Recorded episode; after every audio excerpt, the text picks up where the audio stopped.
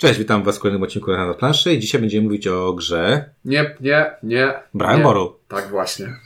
Brian Boru, Portal Games, Osprey Games chyba, w, w, jeżeli chodzi o oryginalnego wydawcę. Tak jest. Pierre Sylwester autorem, King is Dead graliśmy, graliśmy, Fears E, das Volk. e, graliśmy Expedition. Zaginiona ekspedycja. Tak, no dużo graliśmy gier pana e, Piera Sylwestra. Ja lubię, bo to tak od razu taki disclaimer, że E, Jest to autor, któremu się zawsze przyglądam. Nie zawsze wszystko mi się podoba, ale zawsze się przyglądam. ja właśnie mówię dlatego, że ja go lubię, bo on nie robi takich e, sztampowych gier. Tak. to nie robi sztampowych gier. I Brian Boru yy, no, takim, takim przebojem się wdzierał tam w, w jakieś yy, topki, nietopki różnych recenzentów. Yy, Portal po niego sięgnęło. W sumie po roku jest yy, od po premiery ta nasza polska edycja. No i o tej edycji będą mówić Czuniek? Czuniek z Babinu powinieneś powiedzieć i, i ten A, Maćko z Bogdańca. Windziarz z Lublinu. E, dobrze. Dla ścisłości trzeba powiedzieć, że jest to egzemplarz, który otrzymaliśmy od wydawcy do recenzji. No, Mimo, że o niego nie prosiliśmy. Nie prosiliśmy. Ścisłości, ścisłości, takie tam ścisłości. Y, y, Ta ustawa jest bez sensu. Mógłbym, mógłbym na to, o tym napisać cały, cały ten, cały jakby akapit mówić. Dobrze, Brian Boru, Wielki Król Irlandii, Pierre Sylwester, to jest gra, która ma duże kwadratowe pudełko, ale cienkie. Wygląda jak do, dodatek do Everdela. Nie, bo to jest pudełko na planszę i w środku są karty, które zmieściłbyś w kieszeni. Ale nie, ja to lubię. Ja to chciałem powiedzieć, to że ja tak, to tak. lubię, że to jest tak, że w końcu y, ktoś pomyślał, że y, szerokość pudełka nie musi mieć 5 cm, tylko może mieć 4 i więcej miejsca na półce y, się znajduje. Więcej wydawców powinno brać przykład, Przykład. z wydawcy. E, Oink Games. Nie! Zgubił, mam Brasa Birmingham nowego wydania, A, które też jest w takim pudełku cienkim. Cie- No cienkie pudełka są spoko i, i fajnie, i nie prezentują się wcale gorzej, bo nie oszukujmy się, to pudełko jest tak duże tylko dlatego, że jest w, tym, y, w tej grze ogromna plansza, e, którą trzeba ładnie złożyć, bo jak się złoży ją nieładnie, to potem będą problemy. Gra jest skierowana dla 3 do 5 graczy, trwa około półtorej godziny, no i w środku dostajemy planszę, o której już powiedzieliśmy, planszę taką nietypową, nie wiem czy zwróciłeś uwagę, E, się plansza świeci. Jest lakierowana. No. Znaczy, nie cała plansza Hot jest lakierowana, tam jest zrobione, no. tylko pewne elementy się świecą, więc jak siedzę w tym standardowym miejscu przy stole u ciebie, to nie widzę planszy. Znaczy ko- i kolorów nie widzisz, ja wiem. Bo moja lampa jest taka, że jak, jak się, jak się, człowiek siedzi zawsze u szczytu, jak Don Padre i, i, i najgorzej się tam, znaczy, tam się spoko widzi, dopóki na planszy właśnie nie ma jakichś, Znaczy nie, bo to na tej planszy się świecą granice, a to jest fajne, bo to jest area control. Ale świecą się też miasta. miasta. A ważne, jakiego są koloru. jakiego są kolory i gdzie się, gdzie się łączą. No oprócz tego mamy takie karty, które są dosyć duże, bo to są takie tarotowe karty i e, te karty e, są ładnie wydane, ale nie wiem jak w egzemplarzu waszym, natomiast jeżeli graliście w tę grę, ale w moim egzemplarzu było tak, że bardzo mi się podobały te karty, ale one są dosyć cienkie i mały problem, po czwartym tasowaniu było widać na nich już strzępy. To było zaskakujące, bo tak jak spojrzałem na tę kartę po otwarciu pudełka, to zobaczyłem, o fajna, płótnowana, ładnie się Ładnie, trzyma, dobrze, no. przetasowane i na części brzegów kart zaczęły się pojawiać już ślady. No, Bardzo szybko. Strasznie dziwne to jest, bo, bo te karty naprawdę wyglądają bardzo dobrze i bardzo fajnie, e, jeżeli chodzi o jakość wykonania, a się potem okazuje, że chyba koszulki e, są tutaj dosyć istotne, żeby zabezpieczyć Bo te to brzegi. jest gra, w której kart się rozdaje dużo, trochę się tasuje, Cały czas się trzyma, tu dużo się z nimi robi. Oprócz tego mamy jakieś tam żetony, które będziemy sobie e, w różnych miejscach umieszczać. No normalne żetony, nie, nie ma tam jakichś, jakichś e, fajerwerków. No i drewniane dyski, których też jest dużo, które będziemy sobie e, umieszczać na planszy. E, No i tutaj bardzo ważne, bo to jest szata graficzna, która moim zdaniem może znowu podzielić sobie ludzi na zasadzie ładne, nieładne, czy to jest styl, który mi się podoba, czy nie. Natomiast to jest styl, który nawiązuje do tego tematu tej gry, nie? Bardzo mocno. Tak, tylko y, jako kontrprzykład podam dwa tytuły, a mianowicie grę Inish i grę Trua, które obie te gry można uznać za brzydkie, ale widzę, że tam jest wybór stylistyczny, żeby te gry tak wyglądały i mają wyglądać i ja to rozumiem. Patrząc na okładkę i na ilustrację w, Brian, w Brianu Boru, widzę, że to, znaczy zastanawiam się, czy to jest wybór stylistyczny, czy stylistyczna nieuniknioność. A ja mam takie inne pytanie. Pamiętasz tą grę Wikingowie, którą wydały Ogry Games? Tak. No to to jest chyba ten sam, chyba nawet styl, nie? E, Tam wydaje mi się, że rysunki były. Lekko Na, pe- na pewno okładka była bardziej fotorealistyczna. No, no była. Ja nie wiem, powiem tak, że jakby mi to pasuje, natomiast to, to jest takie... E, Każdy sobie te ilustracje może zobaczyć, jak wygląda okładka. Wiesz co, ja, tak Ja się, nie jestem fanem. I, i, tak się, zna- znaczy, ja mówię, mi to pasuje na takiej zasadzie, że nie, nie wiem, teraz czytam z dzieckiem jakieś tam irlandzkie, może nawet nie irlandzkie, to celtyckie mity, celtyckie powieści i tam są bardzo podobny klimat. Mhm. Może po prostu ci celtowie słabo malowali, no, no i koniec. No nie mam pojęcia, może taki mieli styl. Natomiast stylistycznie to jest, to jest, znaczy, to jest na pewno spójne, a czy wam się to spodoba, czy nie, no jak słyszycie, Ciunkowi y, nie, mnie średnio, nie miałem takiego, kurczę, ale to jest ładne i tak dalej. Natomiast muszę powiedzieć jedną bardzo fajną y, rzecz, że tutaj jest wiele takich stylistycznych y, rzeczy graficznych, które mi się bardzo podobały. Podoba mi się bardzo plansza, mimo wszystko tego, te, tego może jej czytelności, czy nie. Ona jest ładna i ma bardzo fajną rzecz. Ma dużo przypominajek na planszy, co, co lubię przypominajki. Czy one są sensowne, czy nie, to później przejdziemy do tego. I to mi się nawet podoba. Natomiast z drugiej strony, ta plansza, która mi się podoba, zupełnie mi się y, nie podoba dobór kolorystyczny tych y, krain. A to od razu miałem ci powiedzieć. Po pierwsze, krainy e, mają dosyć podobne kolory, więc nie widzimy, nie zawsze widzimy na pierwszy rzut oka, gdzie przebiegają granice, Mm. co jest dosyć przykre, ale jest tam rzecz, e, która jest dla mnie karygodna i patologiczna, a mianowicie mamy trzy kolory miast.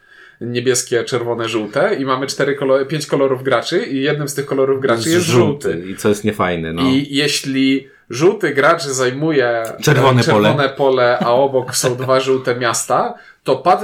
to jest gra, w której ten, kto ma najwięcej e, swoich dysków danym, e, na danym terenie, kontroluje ten teren i dostaje za niego punkty zwycięstwa. Powinien, to powinna być żyleta funkcjonalna. Powinienem jednym rzutem oka widzieć, potrafić odczytać informacje z planszy bez wątpliwości. A przez to, że mamy żółte miasto i żółtego gracza, to jest to patologiczne.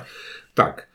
Y, Jed, No i patologiczne jest też to, to taka moja mała, mały wtręt, on nie jest zbyt, zbyt, zbyt może istotny, natomiast bawi mnie to, że część tych miast połączona jest drogą i ta droga jest biała. droga ale- jest taka byżowiutka. No dobra, ale to, to mi nie przeszkadza. Przeszkadza mi to, że na tym największym, największej regionie jeszcze jest rzeka. I, i tak sobie myślę, ja, ja rozumiem, że to jest mapa Irlandii i że tam powinno coś się znajdować i w jakiś sposób to oddawać, ale e, tak myślę sobie, kurczę, ktoś naprawdę narobił się dużo, żeby pomóc i jednocześnie narobił się dosyć dużo, albo nie narobił się, żeby trochę utrudnić. No.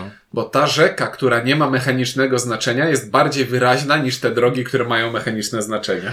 No, Jak tak można? No niekoniecznie tak. Panie Ospreju. E, No, a to też jest zaskakujące, bo Osprey potrafi robić ładne gry i nie oszukujmy się, mają jakiś tam fajny pomysł na siebie. E, W związku z tym, jeszcze przejdę do tych żetonów. Żetony też są takie, nie wiem, takie mam. Nie mam, do 90% żetonów w tej grze nie mam żadnych e, zastrzeżeń, ale monety trzeba podnosić pensetą. A monety są małe, ale nie, bo no tak, monety są małe. Mi bardziej chodzi, że one są takie wizualnie takie, takie o są po prostu. No mamy są, jakieś słoneczko, jakiś hełm. nie są jakieś szalone. I teraz karty. Na kartach y, mm, te karty są duże po to, żeby po pierwsze umieścić na nich informacje, informacje o wartości, e, informacje o akcji, co się stanie, jak wygram e, miasto. O tym za chwilę będziemy mówić, jak to się robi. Informacje o tym, jakie akcje mogę wykonać, jak nie wygram miasta. No i tą piękną grafikę. I z jednej strony y, te wszystkie symbole są spoko. Jakby jak się już je pozna, to wydaje mi się, że patrzysz na kartę i wiesz, co ona robi. Symbole są absolutnie jednoznaczne i nie mam I- z tym żadnego problemu. Tak, i to jest, i to jest fajne. I przez to te karty są, e, przez to te karty są dosyć duże. I tutaj mu znowu mówię, znowu ktoś pochylił się nad tym, żeby zrobić, ok, chcemy zrobić kartę, ona ma być w miarę wizualnie, powiedzmy, estetyczna, albo przynajmniej spójna do tej koncepcji, ale zadał sobie ktoś trud, żeby powiedzieć, graczu, na tej karcie są ważne elementy i my ci je pokażemy. Najprościej jak potrafimy. I to mi się, to, to akurat bardzo mi się podobało. Więc ja chciałem tylko podsumować, że całość tej gry wzbudza we mnie mocno mieszane uczucia. Są elementy, które mi się bardzo podobają, są elementy, które mam takie, e, taką średniawko letnie podejście i są takie właśnie elementy jak te monety, czy właśnie części rzeczy na tej planszy, że sobie myślę, kurczę, no to można było zrobić lepiej. Ja z kartami mam jeden drobniutki problem. No. No. to idea tego, że jest góra karty i dół karty. No i trzymasz jest, jest fajna, jak trzymasz jedną lub dwie karty, bo trzymasz jedną kartę więcej w jednej ręce albo dwie karty po jednej w każdej ze swoich rąk. A jak trzymasz 5-6 kart w wachlarzu, to nagle się okazuje, że tego dołu karty już nie widzisz. No tak, ale to wiesz, ale to jest problem większości, większości graczy. Na przykład tutaj wartość karty jest położona w lewym górnym rogu, bo większość osób rozwija wachlarz y, tak, że widzi lewy górny róg, ale są osoby, które y, rozwijają wachlarz w drugą stronę. Jest ich znacznie mniej z, tego, z mojej obserwacji. I, I teraz one mają, o kurde, tam nie ma żadnej wartości. Ta karta jest bez wartości. Co tu się stało? No nie powinno tak być. Także ja mówię, ja, ja mam takie, z jednej strony to jest spoko, z drugiej jest tu kilka rzeczy, które mnie tam tak, wiesz, y, uwierają, jak, jak ziarnko y, pod pierzyną. Ale to. Oj, myślałem, że inne ziarnko, bo to wiesz, bo z takiego innego uwierającego. Nie, z takiego innego uwierającego ziarnka może wyrosnąć perła kiedyś. To. No, też może tak być. Dobra, mechanicznie to gra o area control majority. Mechanicznie jest to re- area control e, o przejmowaniu terenów na planszy, sterowana za pomocą grania kart trick-takingowego. I e, możemy dyskutować o tym, co to jest trick-taking, a co to nie jest trick-taking. Najważniejsze jest to, że jak chcesz jednym zdaniem opowiedzieć komuś tę grę i powiesz mu, że to jest taki trick-taking, bez wnikania w szczegóły, to ta osoba będzie miała już jako taki ogląd na to, jak ta gra będzie działała. Będziemy grali kolorowe karty i najwyższa karta danego koloru będzie coś wygrywać. A działa to w ten sposób, że mamy sobie talię kart. Mamy sobie talię kart i w tej talii kart mamy karty w kolorach takich samych jak miasta na planszy. Zielone, czerwone, niebieskie. Mamy też parę kart białych, szarych, białych. Chyba takie instrukcja nazywa, chociażbym tu dyskutował, ale ja jestem słaby w kolory. Szczególnie jak Białe, wybieraliśmy kolor do kuchni. Białe, ale wszyscy mówili, że szare. E, więc ma i kolor biały jest jokerem, który może przyjąć dowolną barwę. Przyjmuję. Przyjmuje. Nie- Przyjmuje. nie Nie, mo- może. nie to, że może, tylko przyjmuje. E, I ma. Nawet nie tyle co dowolną, co kartę, która była wyjściową. Tak. Więc jeszcze gorzej to powiedziałeś, zaraz coś powie. Nie graliście w grę! O, tak też może być. No i dobrze, i mamy te karty, i te karty mają wartości, i te wartości się nie powtarzają. Tak. I to jest gra, w której jest. Warto znać, y, y, które wartości są w jakim kolorze. Warto znać, które wartości są w jakim kolorze i że na przykład najwyższą kartą w grze, najwyższa karta w grze ma taki kolor, a wszystkie białe karty są raczej Wysokie wyższymi niż- wartościami niż niż niższymi. niższymi. I jest to gra, w której jest sobie na początku gry jakiś losowy pierwszy gracz, Mhm. e, który wybiera jedno z tych miast na planszy Kładzie tam swój kładzie, znacznik. kładzie, te, kładzie, znaczy to jest setup, to chciałem No. przeskoczyć. Ale mamy taki e, znacznik w kształcie pierścienia, którym wskazujemy, o teraz o to miasto na planszy będziemy się bić. Mhm. I gracz, który jest pierwszym graczem i wybiera, jakie miasto będziemy się bić, zagrywa kartę jakie, kol, w kolorze tego miasta. I to jest jedyny przymus w tej grze. To jest śmieszne. Mhm. I inni gracze, którzy siedzą przy stole, teraz w kolejności, zgodnie z ruchem wskazówek zegara, dogrywają do tej bitwy kartę. I albo dogrywają kartę tego samego koloru i wtedy próbują, e, być może próbują wygrać tę bitwę, albo dograją, dogrywają kartę innego koloru, żeby zyskać jakieś inne benefity. To ja Już- powiem inaczej. Ja powiem może tak. Zagrywam dowolną kartę. O, dobrze. Co tak w można. życiu nie, w życiu się nie spotkałem w trick-takingu, takim standardowym, że możesz zagrać dowolną kartę. Czyli ciuniek wychodzi w czerwone, a ja nie mam żadnego przymusu czegokolwiek. Nie mam przymusu bicia, nie mam przymusu zagrania do koloru, nie mam przymusu niczego. To jest zupełnie moja, moja Mhm. sprawa, co z tym zrobię. I jak już każdy zagrał do bitwy po jednej karcie, to Lecimy od najwyższej. Lecimy od najniższej karty. Mhm. E, Znaczy, najpierw najwyższa karta w kolorze miasta wygrywa tę bitwę, ale do tego dojdziemy sobie za chwilę. Więc jak wszyscy zagrali kartę, lecimy od e, najniższej zagranej karty. Czy najniższa zagrana karta jest najwyższą kartą w kolorze miasta? Nie. No to gracz robi dół tej karty. Jedną z rzeczy, która jest na dole, karty. I później przechodzimy po wartościach przez kolejnych graczy. I wszyscy gracze, którzy nie wygrali bitwy, robią dół karty, a gracz, który wygrał bitwę, czyli zagrał najwyższą kartę w kolorze tego miasta, o które się biliśmy, wygrywa to miasto, zdobywa nad nim kontrolę, czyli wykonuje to, co jest u góry karty. I teraz I, i zostaje graczem wychodzącym. i zostaje graczem wychodzącym W kolejnej. w następnej rundzie. I teraz myk polega na tym, że w oczywisty sposób karty wyższe są Lepsze. ce- Ceteris Paribus lepsze niż niższe, bo wyższe karty biją niższe, więc warto je grać. Ale trik polega na tym, że jeśli wygramy bitwę wysoką kartą, To mamy koszty. to mamy koszty. Musimy dopłacać monetami, które są zasobem w grze, zasobem skończalnym i zasobem tak Trudnym jakby do- trudnym do uzyskania. Tak. A jeśli wygramy kartę, e, wygramy bitwę niską kartą, to nie dość, że wygramy bitwę, to jeszcze dostajemy jakąś premię. Tak. Więc jest to gra, w której bolą nas zagrywane.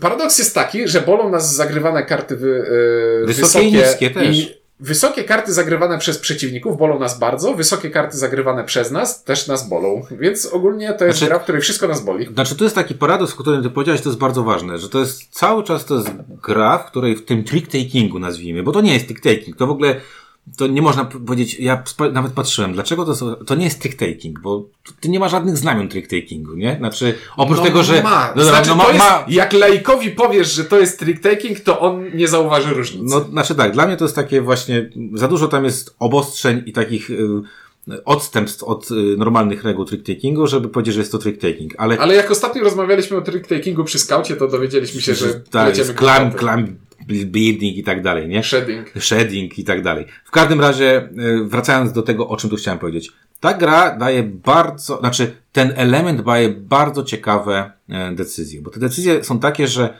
e, oczywiście bardzo chcę często zdobyć miasto, no bo za zdobywanie miast i kontrolę regionów dostaję punkty na koniec gry, ale jednocześnie bardzo często muszę zobaczyć, czy to na pewno mi się ma jakiś sens, bo mogę nie chcieć walczyć o miasto, bo na przykład przegram, albo na razie mnie nie interesuje, nie jest to jakieś tam bardzo e, istotne, żeby, żeby to miasto wygrać, ale bardzo mnie interesuje zagranie dolnej części, jednej z akcji, która znajduje się na dolnej części tej karty, bo ona mi da większe benefity. Albo na przykład, tak jak powiedziałeś, nie wiem, nie mam monet.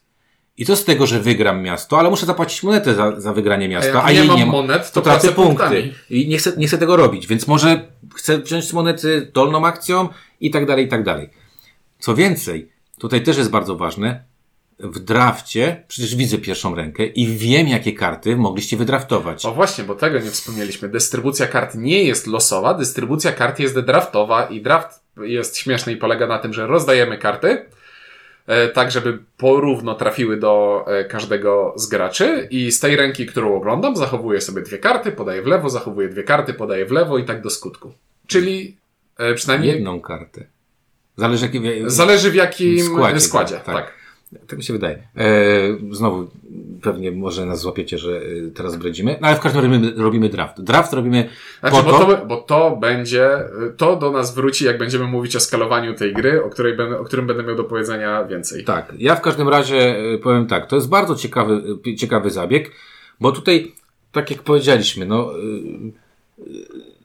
odwrócenie tego jakby myślenia o tym trick-takingu, odwrócenie myślenia o tym, co chcę zrobić, jest tutaj kluczowe do tego, że ta gra nabiera takiej powiedzmy głębi, nie? Te, te twoje decyzje są głębokie i jednocześnie to, co, do czego właśnie piłem, że wiedząc na przykład, że nie wiem, na początkowej ręce dostałem większość czerwonych kart i, i nie wiem, i mam wydraftowaną tylko jedną, to wiem, że wy macie te czerwone karty, tak? Znając mniej więcej rozkład, bo, bo my na przykład tak graliśmy, że przed pierwszą partią po prostu sobie patrzyliśmy, aha, to te, w tym kolorze karty są wartości 1, 4, 8, coś tam, coś tam, żeby mniej więcej wiedzieć, jakie są e, mo, e, możliwości i gdzie te karty się będą e, pojawiały, e, to dobrze o tym wiedzieć i do, można sobie w jakiś sposób planować. Tutaj trikowe są te karty białe, bo karta biała są przeważnie wysokie, tak jak powiedziałeś. A najniższa karta biała ma wartość 13, tak mi się wydaje. I teraz jest taki mały problem z nią, że karta biała niby jest jokerem, że może zastąpić każdą kartę, ale w momencie jej zagrania ona bierze kolor tej karty, której, do której wychodzisz. Czyli znowu, białe karty są kozackie, bo są fajne do przejmowania miast, ale są wysokie, więc przeważnie mają jakieś koszty. I nie możesz sobie zagrać tak po prostu, żeby spuścić ją do kibla, nie? Tak. Bo mogę na przykład spuścić jakąś, nie wiem, wysoką dziewiętnastkę, powiedzmy, że ona jest żółta, już nie pamiętam, bo nie mam przed sobą Nie ma kart. żółtych kart w tej grze. E, e, sorry, zie, zielony, zie, niebieska tam są żółte, przecież Są. mówiliśmy o tym. Co, Są która jest karty. godzina? Dlaczego my jesteśmy tacy nieprzytomni? Co się dzieje w ogóle? Są żółte, są żółte karty. No ale powiedzmy, że chcę spuścić do kibla dziewiętnastkę, bo chcę zagrać dół i nie chcę wygrywać jakiegoś miasta, bo wiem, że już jej nie będzie, e, to w przypadku białej takiej możliwości nie ma. Teraz przejdźmy może do tego, bo to też jest fajna mechanika, o której za chwilę e, pewnie ją dobrze wytłumaczysz, że kontrolowanie regionów tam jest śmieszne, bo regionów nie kontrolujesz ten, bo, bo masz najwięcej. Tylko musi zostać przebity. O, Sufit. pró- Próg. Próg, threshold musi zostać przebity, jak to ładnie po angielsku słowo to jest wykorzystywane w pewnych kontekstach. Czyli powiedzmy, mamy duży region, który daje dużo punktów i fajnie jest mieć przewagę w takim regionie, no więc tam wchodzę, kładę swój dysk, no fajnie, ale ten region nie da mi tych punktów od razu. Ten region odblokuje się jako źródło punktacji dopiero kiedy X dysków będzie w tym regionie położone i to dla każdego regionu ten X wynosi e, inną wartość. Więc wchodząc do regionu jako pierwszy, dajesz innym graczom pewien sygnał, że no ja chciałbym się zacząć bić o ten region. Co może sprawić, że inni gracze może wcale nie będą chcieli się przyłączyć do ciebie do zdobywania tego regionu i może się okazać, że sam będziesz zmuszony władować bardzo dużo swoich zasobów kart dysków w to, żeby samemu sobie ten region odblokować i faktycznie zdobędziesz wtedy dużo punktów, ale będzie to i będzie to praktycznie na pewniaka, będą to punkty dla ciebie, bo już nie będzie się dało cię przebić w tym regionie, ale zainwestowałeś w to dużo, a inni gracze niewielkimi przewagami na przykład zdobyli trzy inne regiony. Tak. I to jest też taki, y, taka ciekawostka, bo no nie wiem, są na przykład tutaj regiony, do których, nie wiem, musi być pięć miast y, ogarniętych i w pewnym momencie można się po prostu wpuścić w maliny, że tam sobie masz cztery, nikt nie dorzuci piątego i jesteś w czterech literach, bo, bo, bo nie zamkniesz mia- znaczy No, regionu, może, nie? może być bardzo zabawnie, że tak nastawisz się na to, że chcesz wygrywać te konkretne e, Regiony. regiony.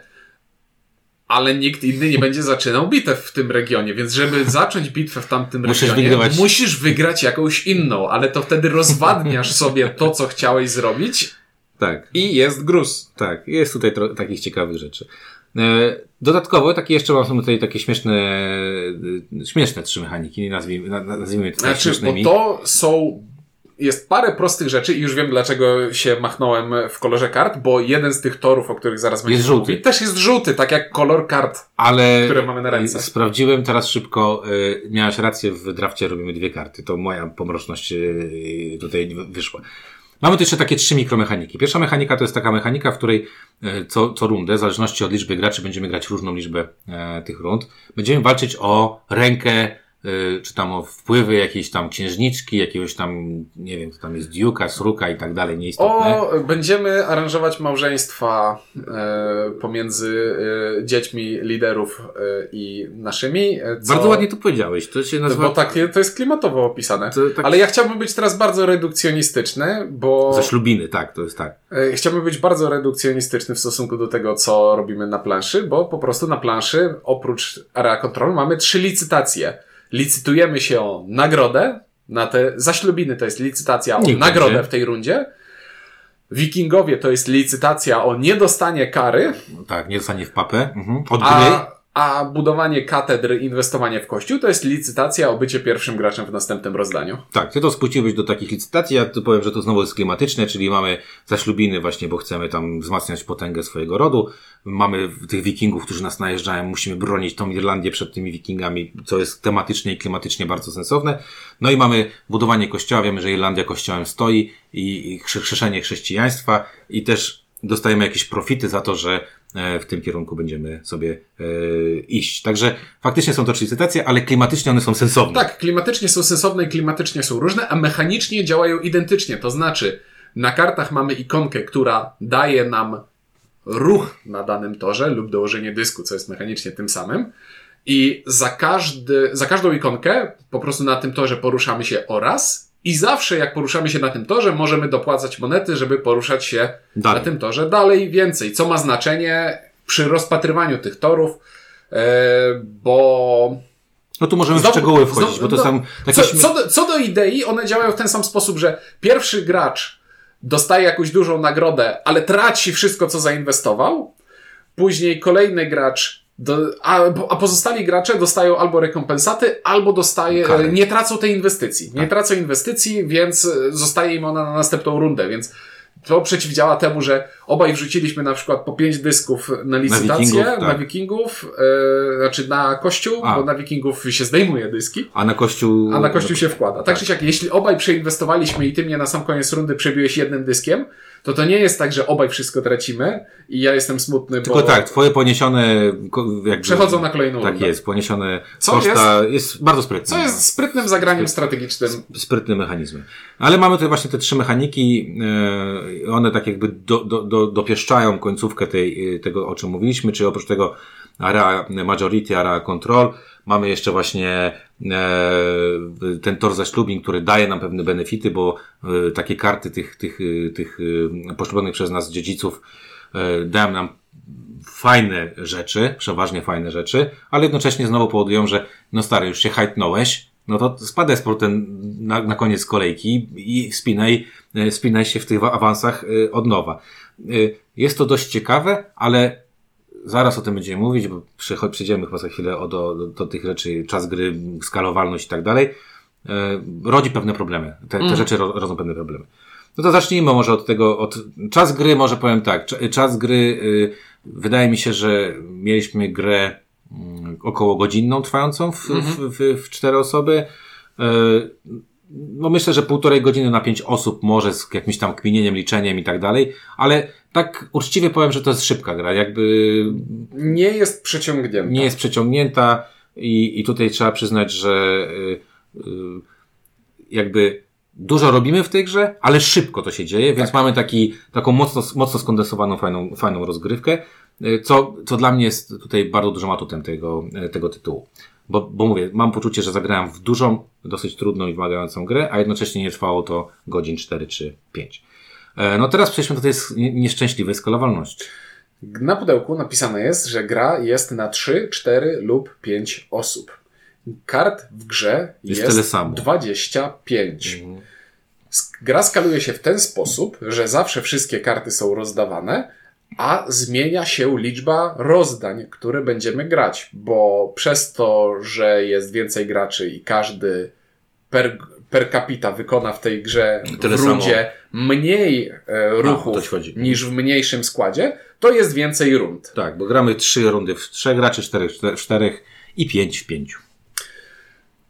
I matematycznie to się wszystko spina, ale w wrażenia moje z rozgrywki były takie, że, znaczy po pierwsze, w gra, jeśli gramy więcej rund, to więcej razy w trakcie gry e, odpalą się te poboczne mechaniki licytacyjne, o tak. których mówiliśmy. Bo one się odpalają po zakończeniu tej fazy trick take'owania i tak jak powiedziałeś, tor zaślubin, gracza, jak gramy w trzy osoby, odpali się trzykrotnie, a tor zaślubin w pięć osób odpali się pięciokrotnie. Co teoretycznie sprawia, że w grach więcej ni w grach większych, bo takiego skrótu teraz będę używał, żeby oszczędzać sylaby, w grach większych mniejsza inwestycja w te tory będzie dawała większe efekty, bo po prostu nie będzie czasu, nie będzie miejsca na to, żeby wpychać tych zasobów e, w te tory więcej. W grach mniejszych będziemy się pewnie bardziej zażarcie bić o te tory, bo każdy z nas ma więcej zasobów, czyli więcej kart. I w mojej głowie i y, przy moich preferencjach ja wolę zagrać mniej rozdań, w których będę robił więcej rzeczy, niż więcej rozdań, w których będę robił mniej rzeczy. W grze pięcioosobowej miałem wrażenie, że ta gra mnie znaczy, w każdym składzie ta gra mnie dusi brakiem rzeczy, które są mi potrzebne do robienia innych rzeczy, żeby uzyskać efekty, ale w grze pięcioosobowej, przez to, że ta ręka naszych kart jest krótka, miałem wrażenie tego, że to nie jest tak, że ta gra gra się sama, tylko miałem mniejsze wrażenie sprawczości. Zastanawiam się nad tym. Rozumiem o co ci chodzi, bo znowu w grach pięcioosobowych na przykład dużo bardziej widoczny jest brak kasy, bo grasz tych rozdań więcej, yy, znaczy masz tych kart mniej i wszystkie rzeczy, na przykład na torze, jeżeli chcesz podrzucić jeszcze się tam o jedną, o jedną pozycję czy coś, to tej kasy będziesz miał mniej, a tor i tak zadziała, Mhm. tak? Więc chcesz ten tor zrobić. Natomiast na pięciu graczy, bo to jest, tor zaślubiny akurat jest śmieszny. Znaczy przed chwilą mówiłeś o pięciu graczach, czyli teraz na to... Znaczy nie, mówię właśnie o tym torze. Na trzech graczy ten tor zaślubin działa specyficznie, bo nie wiem, zał, załóżmy, że tylko ja się po, po, po, po, postawię na tym, na, poruszę się na tym torze. Wygrywam sobie te zaślubiny. Luz. E, tych ruchów jest, mo, mogę zrobić mało, żeby coś wygrać, nie? Na pięciu graczy może być tak, że każdy zrobi jakieś ruchy, ktoś wygra, ale wszyscy, przy, przypominam ci, wszyscy dostają bonusy za bycie gdzieś tam.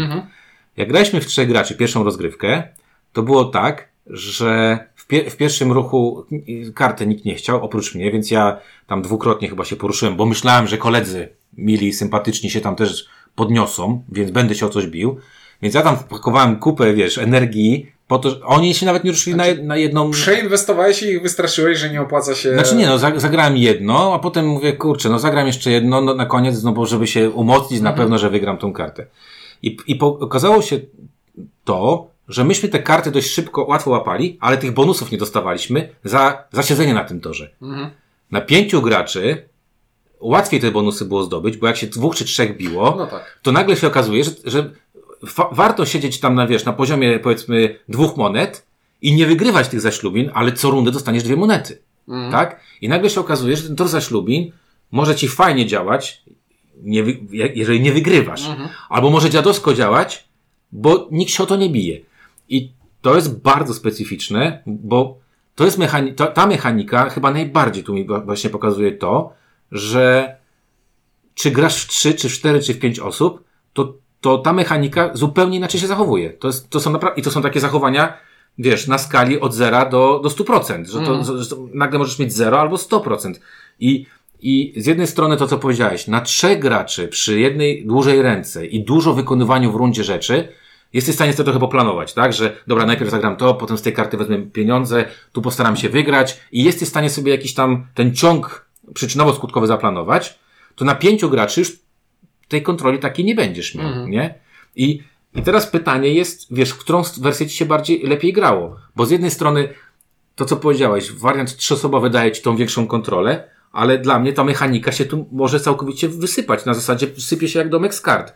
Z drugiej strony na pięciu graczy gra, grasz krótkie te rundy, te wszystkie wydarzenia się dzieją, bo ci wikingowie się pojawiają, te, ten kościół będzie, te zaślubiny będą i z jednej strony to, te zaślubiny może fajnie podziałają, ale z drugiej strony ty mało porobisz, bo tak mało porobisz, no. Bardzo. I, I nagle te dwie licytacje pozostałe są dla ciebie o Jezu, muszę rzucić jakieś, jakieś te toporki, żeby tych wikingów y, y, y, y, działać. I znowu takie, jeszcze mi się robi, że mamy ekstremą ekstremą i ten taki uśredniony czwór, czteroosobowy skład wydaje się być najbardziej, najlepszy, bo on niweluje najbardziej te, te braki trój, trzyosobowej partii i pięcioosobowej partii, ale znowu on też ma swoje problemy. No i ja jednak skłaniam się ku e, hipotezie Brian Boru jako gra stricte trzyosobowa, bo większe składy mają dla mnie jeszcze tę wadę, że im większy jest skład, tym mniej ciekawy jest dla mnie draft. Okej, ale znowu ja teraz dam kont, jakby, e, do tego, co powiedziałeś. W trzyosobowej partii dwukrotnie zdarzyło mi się kingmaking. Na zasadzie jeden koleś nie mógł, a dwóch się biło. I to, co zrobiła, e, dwie ostatnie karty spowodowały e, zrobienie wygranej komuś lub przegranej. Przypomnij mi, jak nazywała się poprzednia gra tego autora? Kingmaking gra karciana. Ale tam jest dwuosobowo. Znaczy, tam można chyba grać więcej osób, ale tam jest ten. Także ja ci powiem, kurczę, ja ci powiem tak, że e, to jest chyba największy zarzut dla tej, dla tej gry z mojej perspektywy, bo zaczęliśmy już z grubej rury, że ta gra jest. Nie, nie potrafię zrozumieć, jakby. Jak ona bez żadnych tam takich tweaków na zasadzie e, grasz trzy osoby to coś tam, wiesz, że tam w wariancie osobowym zróbmy to, a w wariancie czteroosobowym zróbmy to, a w wariancie pięcioosobowym zróbmy to. E, Normalnie bym miał tak, że wiesz, że kart jest więcej, w pięciu gramy więcej, w czterech gramy na trochę mniej liczby kart, a w trzech gramy na tej. Znaczy, bo ja jestem gorącym orędownikiem stwierdzenia, że robienie większej liczby rzeczy w grze jest fajniejsze niż robienie mniejszej liczby rzeczy w grze.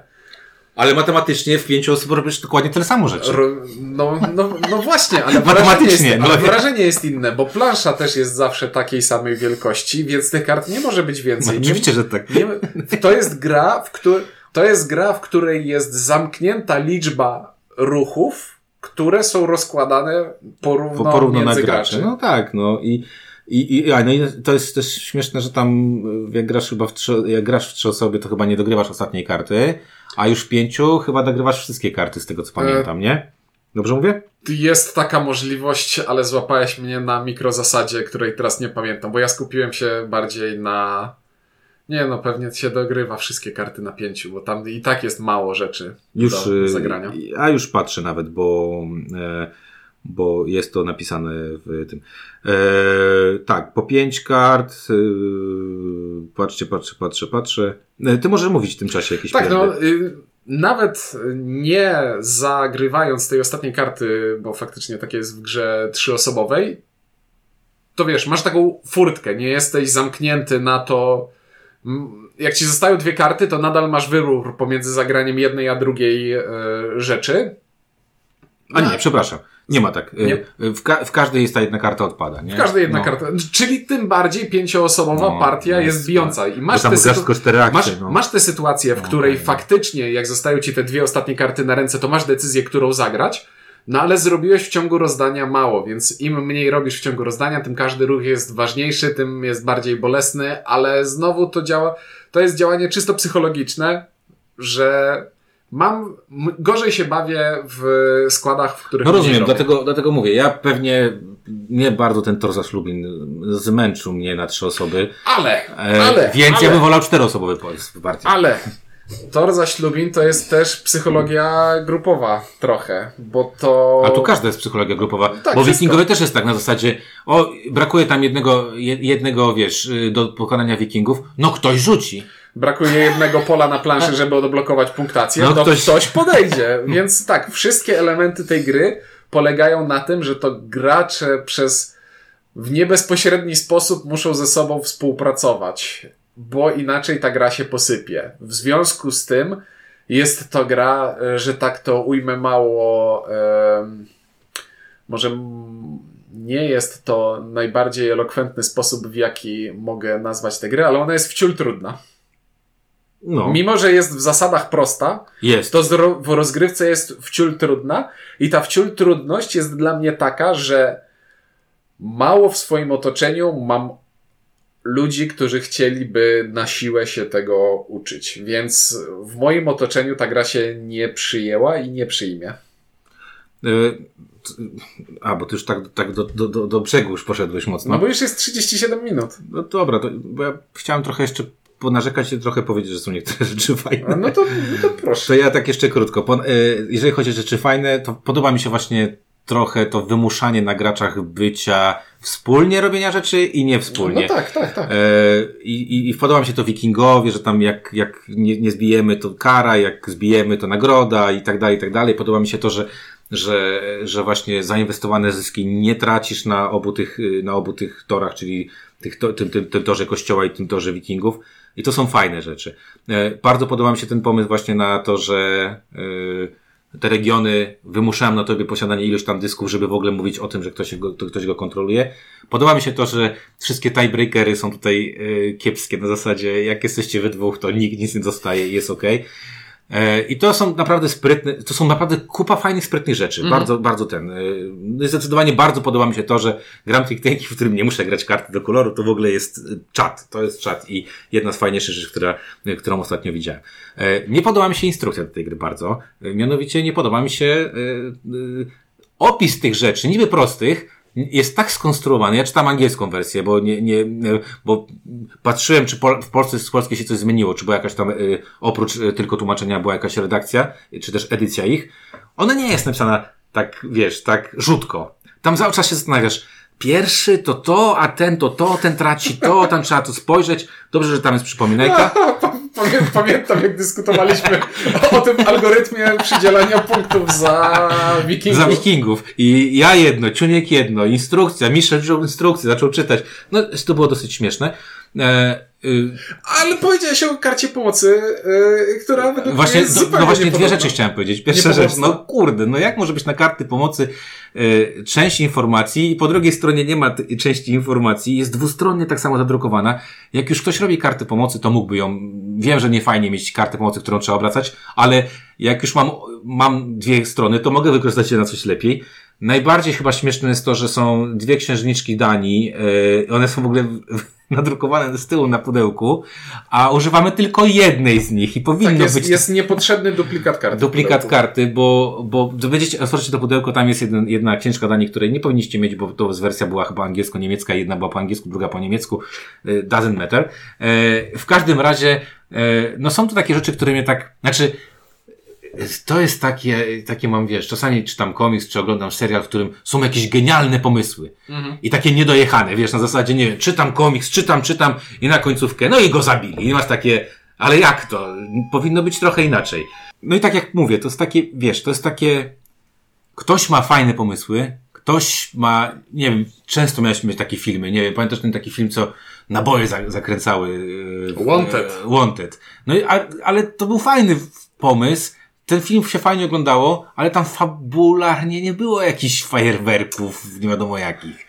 No, Okej, dobra. Ale nie, ale nie, chcę, nie chcesz, nie. chcesz nadeptywać na ten odcisk, Nie, nie. bo ja zaraz zacznę mówić Że o tym, magicznym, fajne- o tym magicznym krośnie, które przewidywało przyszłość, więc nie. Nie, ale, ale wiesz o co mi chodzi, że są, że, że, że, znaczy, kurczę, ja powiem w ten sposób. Ja mam takie odczucie, nie będę sięgał już po tę grę więcej za bardzo. Najbardziej mnie chyba tam ten kingmaking zabolał w, grze- w grach trzyosobowych, które miałem. To mnie strasznie zabolało. Nie, nie lubię czegoś takiego. Ale to jest taka gra, którą jak ja bym był wydawcą, to bym sobie ją dodevelopował jeszcze. Że tam ona jest takim jeszcze trochę, wiesz, nieokrzesanym e, jakimś Nie, takim... nie, o, to ja e, pociągnę ten temat, ale trochę innej, e, z innej strony. Ona jest całkowicie okrzesana. Ona jest tak okrzesana, że te wszystkie elementy, te minigry, które są, one są najprostsze, jakie mogą być. Okej. tym. Ja bym tę grę, wbrew mojej intuicji i wbrew temu, co zazwyczaj mówię, ja bym ją udziwnił. Dlaczego lubimy Chaos w Starym Świecie? Bo to jest mega udziwniona gra, w której jest bardzo dużo charakteru. Okej, ale y, mi chodzi o udziwnił, no to czy udziwnił, czy okrzesał, jakkolwiek to nazwiemy, chodzi mi o to, że dla mnie to jest jeszcze faza trochę zaawansowanego prototypu. To jest pomysł. Tak, zaawansowanego prototypu, który, To jest pomysł, a to jeszcze nie jest ta gra, w którą chciałem w grać. którym chciałem grać. Ja też. I teraz po raz kolejny powiem, kurde, Pierre Sylwester robi fajny pomysł, ale gdzieś mi tutaj brakuje tego stawiania kropek nad i na wi- wielu płaszczyznach. E, więc ja powiem tak, to się nawet spoko gra, tylko że potem masz takie poczucie, mm, nie wiem. Przyszła mi myśl do głowy teraz. Ta gra, ona jest w zasadach prosta, tak jak mówiłem, i tak jak mówiłem, jest w rozgrywce bardzo trudna. I przez to, że ona już jest bardzo trudna w rozgrywce, to chyba to dodatkowe utrudnienie jakimiś udziwnieniami nie byłoby dla mnie takim dodatkowym szokiem. Ta gra już jest szokująca po, po tym, że zagrałem w nią X partii i ja dalej nie wiem, co robię. W sensie takim, że no nie, nie potrafię w to zagrać dobrze. Nie wygrałem tego ani razu. Nie rozumiem jeszcze tej A gry ja do byłem chyba raz przegrałem i byłem chyba z dwa razy przynajmniej drugi. Chyba ty, nie, chyba raz wygrałem. Chyba raz wygrałem, a większość to byłem drugi, trzeci, albo właśnie decydowałem o zwycięstwie, co mnie strasznie, strasznie e, wkurzało. Więc I właśnie, nie chciałbym, żeby to zabrzmiało na zasadzie nie umiem grać w tę grę, więc jej nie lubię. Eee, nie, no umiesz grać w tę grę, tylko że nie, nie grałem lepiej od ciebie. To jest, to, to, jest, wiesz, to się nie wyklucza.